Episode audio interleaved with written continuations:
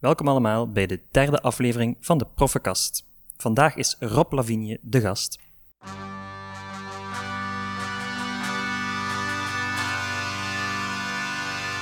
De Proffenkast.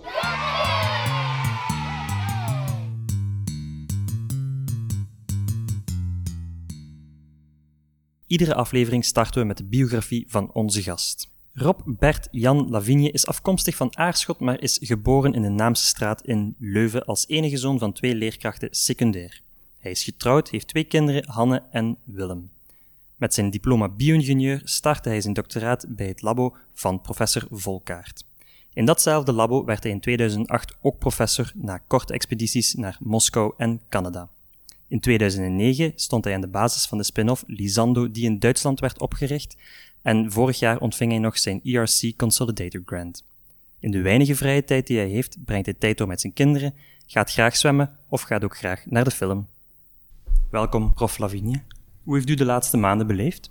Dank u wel voor de uitnodiging. Uh, ja, het was een heel speciale periode, vermoed ik, hè? zoals voor, voor iedereen. Uh, ik met mijn gezin, mijn vrouw is huisarts. Uh, we hebben twee kinderen van, van 15 en 12, die natuurlijk zelf uh, voor zich wat kunnen zorgen. Maar uh, het werken van thuis uit ja, is toch uitdagend. Hè? Zowel voor de lessen als voor het begeleiden van de doctoraatstudenten. Ja, de lessen zijn, allee, zijn altijd online geweest sinds, sinds de pandemie. Um, maar de laboactiviteiten zijn al stilaan terug opgestart. Ja, dus uh, het labo heeft denk ik enkele weken volledig stil geweest. Uh, maar toch al vrij snel hebben we stapsgewijs eigenlijk uh, het labo terug kunnen openen. Eerst met twee à drie mensen. en ondertussen zitten we ongeveer op 50% capaciteit ja. eigenlijk. Ja. En kan u in een paar zinnen uitleggen waar u en uw onderzoeksgroep mee bezig zijn? Hè? Ja, uh, wij zijn vooral met moleculair microbiologisch onderzoek bezig. Dus uh, we willen uh, micro-organismen, meer bepaald bacteriën, te goed gaan begrijpen. door, om dan vervolgens nieuwe antimicrobiële middelen en biotechnologische tools te gaan ontwikkelen. En, en, dat doen we op basis van bacteriofagen. bacteriofagen zijn virussen die niet de mens, maar die bacteriën gaan infecteren. Het zijn dus eigenlijk uh, onze vrienden die pathogene bacteriën gaan afdoden. En natuurlijk door te bestuderen hoe dat die bacteriële virussen, die vagen, werken uh, en hoe dat die de bacterie afdoden, kunnen we dat ons laten inspireren om nieuwe antimicrobiële middelen te maken. Dus dat zijn eigenlijk virussen die we eigenlijk positief gaan gebruiken om bacteriële infecties te bestrijden. Ja, dat klopt. De virussen zijn overal aanwezig, zeker tegenwoordig. Uh, maar er zijn dus virussen die de mens infecteren, er zijn virussen die planten en dieren infecteren, er zijn dus ook virussen die deze kleine micro-organismen, bacteriën, gaan afdoden. En dus in die zin ja, is het de vijand van onze vijand, uh, is onze vriend. Ja, en, en hoe bent u dan zeker dat um, bepaalde virussen dan specifiek op bacteriën gaan aanvallen en dat die sowieso onschadelijk zijn voor de mens? Ja, dat is een heel belangrijke vraag. Dat is ook een van de zaken die we bestuderen. Nu, je moet goed begrijpen, een bacteriecel is totaal anders dan een eukaryotecel, een cel met een cel, celkern, zoals uh, menselijke cellen. Dus uh, zo'n virus ja, is heel specifiek, zelfs voor een bepaalde bacteriesoort. En die gaat dus ook zelfs niet naar andere bacteriesoorten springen. Dus die specificiteit is heel hoog en de drempel om eukaryotecellen, gekernde cellen te gaan uh, infecteren is ja, quasi onmogelijk. Ja. En wordt dat dan nu al ergens gebruikt? Ja, zeker en vast. Uh, dus we moeten het eigenlijk zien op verschillende niveaus. Hè. Er zijn de bacteriofagen zelf. Uh, dat wordt gebruikt in, in zeldzame gevallen, hier ook in Vlaanderen. Hè. Dat heet dan vaagtherapie. Waarbij die bacteriofagen zelf worden gebruikt, toegediend aan wondes, aan brandwondes, bij longinfecties, uh, bij infecties, bij orthopedische imp implantaten. Uh, zoals op het UZ Leuven. En om zo eigenlijk bacteriële infecties waarbij antibiotica niet meer werken, om daar toch bij die zware chronische, zware infecties een oplossing te bieden. Dus ik begrijp wel goed dat het vooral uitzonderlijke gevallen zijn waar het op dit moment wordt gebruikt. Op dit moment wel, althans voor de bacteriofagen zelf. Ik denk dat er de laatste jaren een, een kleine vijftigtal mensen over heel Vlaanderen vaagtherapie hebben uh, gekregen, dankzij een heel specifieke uh, wetgeving die dat uh, mogelijk maakt, maar die natuurlijk ja, in heel specifieke gevallen wordt gebruikt wanneer de nood ook hoog is en, en de situatie kritiek. En, en wat is dan de, de bepalende factor waarom dat het nog, nog maar zo uitzonderlijk gebruikt wordt? Is er, waar, waar zit de rem? Ja, dat komt eigenlijk terug op uw vorige vraag. Hè. Dus die bacteriofagen zijn zo specifiek, hè, in tegenstelling tot antibiotica. Hè. Als, als, als u antibiotica neemt of uw kind, ja, die gaan in de darmen ook uh, al de bacteriën gaan afdoden. Dus antibiotica uh, doden vaak heel veel verschillende bacteriën, zowel de goede als de slechte bacteriën af. Uh, die bacteriofagen zijn zo specifiek uh, dat we eigenlijk op voorhand moeten weten welk is de ziektekiem die hier bij deze patiënt van belang is. Hebben we daar bacteriofagen voor en kunnen we die dan uh, specifiek gaan gebruiken? Dus dat zijn eigenlijk een aantal drempels die er zijn en die ervoor zorgen dat enkel ja, bepaalde chronische infecties die, die op lange termijn voor problemen zorgen, uh, waar antibiotica niet meer werken, dat daar de, die mogelijkheid is.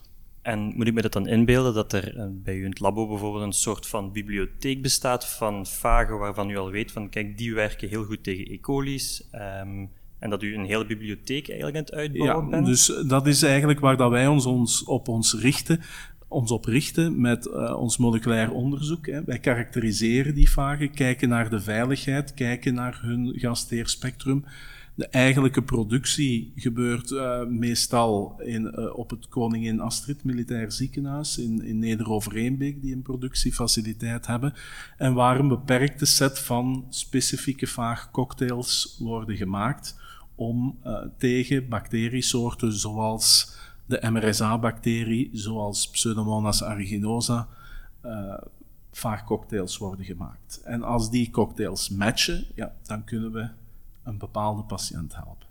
En u heeft dat patiënten kunnen helpen dan met de cocktails of de vagen die u in uw labo uh, ja, onderzoekt? dus eigenlijk uh, denk ik dat de, de meeste vagen uh, die worden gebruikt, ook, ook bijvoorbeeld in Georgië, wat een beetje de bakermat is voor vaagtherapie, ehm, werken we nou mee samen. En, en dus die moleculaire karakterisering gebeurt, gebeurt heel vaak, of meestal bij ons. ja. ja.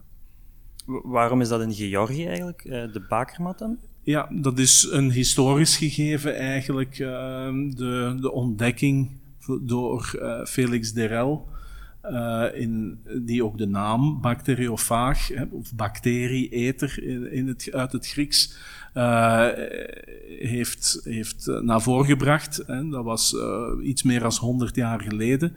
Uh, die zat eerst op Instituut Pasteur en die is vandaar uh, naar Georgië getrokken, heeft daar een instituut uh, mee geopend of mee aan de basis gelegen. op dat moment kwam Stalin aan de macht en had eigenlijk tijdens de Tweede Wereldoorlog nood aan antimicrobiële producten. En daar is dus het Russische leger, eigenlijk, of het Sovjetleger, uh, eigenlijk gebruik gemaakt van bacteriofagen, terwijl uh, de Amerikanen op dat moment uh, de eerste toegang kregen tot penicilline. En, ja. Dus op die grens tussen Oost en West was het dan eigenlijk ook al een grens tussen antibiotica aan de ene kant en in het oosten gebruikte men dan al bacteriofagen. En, ja, dat klopt. En, en, natuurlijk, ja, die antibiotica hier waren heel handig, hè, heel breed spectrum. Hè. Zoals gezegd, daar moeten we niet op voorhand weten welke bacterie het is. Het zal wel werken, of het werkte vroeger althans goed. Uh, wat het heel wat gemakkelijker maakte. Maar dus die traditie van het gebruiken van vagen in uh, het oosten is daar gebleven. En uh, heel wat van die expertise die decennia lang is opgebouwd, is daar toch een beetje onderhouden. maar dat was ja, allemaal in het gebruik. Eigenlijk de, de fundamentele kennis omtrent die bacteriofagen is eigenlijk nooit een prioriteit geweest daar. terwijl dat bij ons op de eerste plaats staat omdat het niet alleen gaat over die vaagtherapie zelf, Maar er zijn ook tal van moleculaire mechanismen die we kunnen leren van die bacteriële virussen, die ook kunnen leiden tot totaal andere uh, antimicrobiële middelen. Dus zou het bijvoorbeeld kunnen dat door fundamenteel vaag onderzoek we naar nieuwe antibiotica's gaan, of is dat misschien een stap te ver? Nee, dat kan perfect. Hè. U moet goed begrijpen, zo'n bacteriofaag, uh, dat, dat ziet er zelfs een beetje uit als een, eh, een, een maanlander. Hè. Uh, het is een eiwitstructuur uh, die de vorm heeft van een maanlander. Die gaat zich de celwand van een bacterie herkennen, gaat zijn genetisch materiaal injecteren. En dan uh, zal dat eh, vaag DNA eigenlijk heel het gastheermetabolisme van de bacteriecel overnemen, om zo nieuwe vaagpartikels te vormen en uiteindelijk de cel te lyseren. Ja. Dus dat is de lytische infectiecyclus, maar daar zijn dus verschillende stappen. Hè. De, uh, dat vaag DNA gaat het metabolisme platleggen. Dus als we daar leren hoe dat de vaag die bacterie stillegt, letterlijk een stok in de wielen steekt, ja, dat is eigenlijk wat een antibioticum ook doet. Maar door die miljarden jaren van co-evolutie, het samenleven tussen bacteriën en vagen, heeft die vaag natuurlijk de tools om, zijn de tools ontstaan om uh, dat blokkeren, dat stok in de wielen te steken, eigenlijk te optimaliseren, evolutionair gezien. Ja, en de meeste antibiotica's, um, en we hopen dat dat, dat, niet gebeurt, maar er, er treedt altijd wel eigenlijk op, uh, dus antibiotica-resistentie. En, en, zijn we al zeker eigenlijk dat er vagen zijn die, waar er geen resistentie tegen is? Is dat juist omdat ze zo specifiek zijn? Die specificiteit helpt, uh, omdat ja, er gaat dan, on, in tegenstelling tot antibiotica, die ook dan worden verspreid over de velden in de riolen en dergelijke meer, ja, is dat bij die vage specifieker meer gecontained. Dus de horizontale gentransfer, het uitwisselen van genetisch materiaal tussen micro-organismen, ja, daar gaat minder druk op zitten door die specificiteit. Maar uh, we kunnen die ontkennen. Ik denk elk antibacterieel middel kan resistentie opwekken. En ik denk dat daar de boodschap is dat we met alle nieuwe antimicrobiële tools die er gaan komen, uh, heel voorzichtig en gericht mee moeten omgaan. En niet de duizenden tonnen aan antibiotica die, uh, die worden gebruikt, niet alleen om mensen te genezen, ook in diervoeding en dergelijke meer, om dat toch te gaan inperken. En ja. hetzelfde moet gebeuren met die alternatieven. We moeten daar heel selectief en voorzichtig mee zijn. Ja, maar dus u bent wel fan van virussen, als ik het dan zo mag zeggen. Hoe kijkt u dan met gemengde gevoelens naar de pandemie dan nu? Zag u dat aankomen? Um, ja, een fan van virussen. Het zijn interessante uh, studieobjecten, zeker en vast. Uh, ik, denk, ik denk dat heel de wereld bestaat uit het donkere en het lichte, het yin en yang, de twee zijdes van de medaille. Um, ja, die COVID-crisis, ja, het is natuurlijk moeilijk, hè? die, die SARS-virussen die, die zijn er al, al langer gekend. Um, hebben misschien niet altijd de nodige aandacht gekregen. Ik heb publicaties gezien uit, uit 2008 waarin dat er werd gewaarschuwd voor uh, dat soort virussen. Dat... Specifiek uit vleermuizen? Uh, ja, ja absoluut. Die, die waarschuwen, hè, dat is een specifieke eigenschap van, van dit soort virussen, dat die, die recombinaties kunnen gaan optreden bij, bij die klasse van virussen. Ja, dus uh, dat kan wel. en, en dat zal nog gebeuren. Dus ik denk dat het belangrijk is dat er voldoende aandacht voor is. Misschien is er nu heel veel en, en een korte termijn aandacht voor. Uh, maar ja, ik denk dat daar um, de rol van de universiteit ook heel belangrijk is. Dat we vanuit de faculteit, de universiteit, toch gaan blijven op de lange termijn ook denken. Wat zijn lange termijn oplossingen voor problemen? Kunnen we naar een een duurzaam vaccin gaan dat niet alleen voor dit virus werkt, maar breder actief is naar andere uh, SARS-virussen om ja, dat soort risico's te gaan inperken. Uh, maar ja, we blijven natuurlijk met een wereldbevolking die alsmaar toeneemt. Hè. De faculteit is hard bezig met het voedselvraagstuk, maar natuurlijk hoe dichter we bij elkaar zijn, hoe meer interacties, ja, dan is het ook logisch dat dit soort virussen eigenlijk voet aan grond krijgen en, en, en zich op een efficiëntere manier gaan verspreiden. Zou je zo ver durven gaan om te zeggen dat we virussen een beetje onderschat hebben? Globaal zelfs?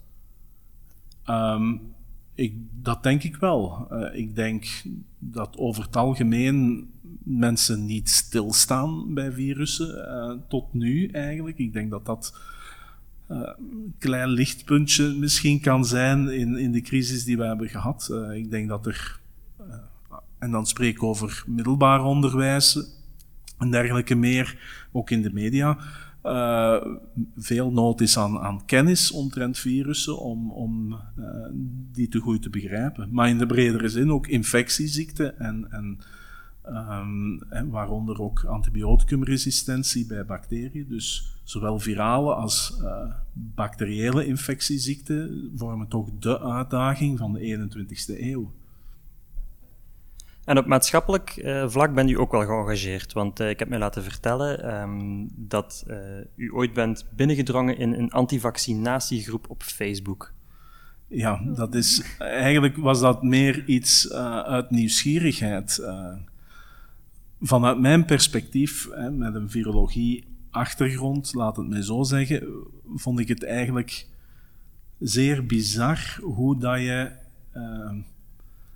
het gebruik van vaccins, hè, wat eigenlijk de meest efficiënte manier is om, om uh, mensen te beschermen tegen virale infecties, uh, om wat er mensen toe, toe uh, leidt om niet in vaccins te geloven. Van waar komt dat? Wat zijn daar de mechanismen die daarachter zitten?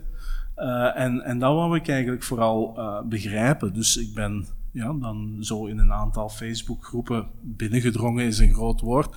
Uh, ze hebben mij gewoon binnengelaten. En, en uh, nadat ik had aangegeven dat ik meer wou weten over antivax. Uh, en, en zo heb ik enkele maanden meegevolgd hè, wat die antivax-movement eigenlijk is. Wie dat daar allemaal achter zit, wat dat allemaal inhoudt. maar op den duur ja, begint je dan toch te moeien in het debat. En uh, ja, dat leidt dan tot uh, discussies en uh, verwijdering uit die Facebookgroepen. Ja. En, en wat is dan de conclusie? Waar, waar, komt het vandaan?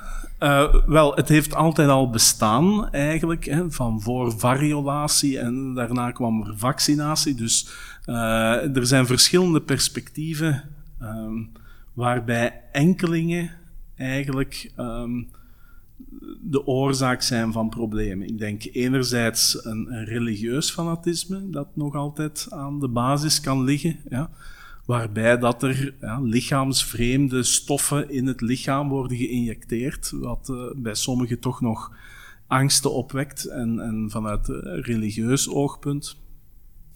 Uh, enerzijds, en dan denk ik ten tweede, en dat is een andere groep van, ik kan het niet anders zeggen, charlatans, die eigenlijk mensen willen overtuigen van hun uh, lessenreeks te volgen, hun boek te kopen, hun uh, middeltjes aan te smeren en, en zo eigenlijk ja, misbruik maken om zelf een paar centjes te verdienen. En is dat dan ook de manier om, het, om er tegenin te gaan? Dus gewoon meer of, of, correcte informatie dan daar langs proberen te zetten? En, en is, dat een, is, een, strijd die we moeten aangaan? Uh, absoluut. Uh, maar in zoverre dat die openheid er nog is. Ik denk dat er een aantal mensen zijn uh, die zo diep in conspiracy theories, dat beperkt zich niet tot vaccinatie, hè, dat dan overheidsconspiracies, big pharma, conspiracies, uh, flat earth uh, of, of maanlanding conspiracies. Ik denk dat dat vaak bij mensen tot een identiteit kan geven, hè, door zich te profileren als iets. Uh, en ja, als je dan gaat zeggen, dit is niet juist, dat je bij die mensen dan ook hun gevoel van identiteit aan, aanvalt. En, en ja, dat, dat werkt niet. Op die manier ga je die mensen niet terug overtuigen, denk ik. Ik zie daar niet meteen een pasklaar antwoord op, buiten uh, onderwijs op school, inderdaad van jongs af aan ehm, de, juiste, allee, de, de correcte wetenschappelijke informatie uh, verschaffen. Het is bizar hoe, hoe in conspiracy theories eigenlijk van uitgaan van grote, goed georchestreerde uh, complotten, terwijl dat het allemaal zo goed, niet zo goed georganiseerd ja. is altijd. wat niet meteen een comment is naar de COVID-crisis. maar, ja. um, een laatste vraag. Gaat u nog op verlof? Uh, wij hadden gehoopt om uh, te gaan wandelen in Zwitserland, uh, maar we hebben dan toch gekozen om toch deze zomer nog niet het, het vliegtuig te nemen.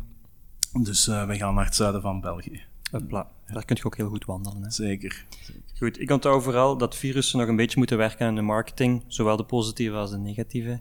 Absoluut. En dat we hopen dat misschien de anti-vaxxers nu met de corona van antwoord gediend zijn.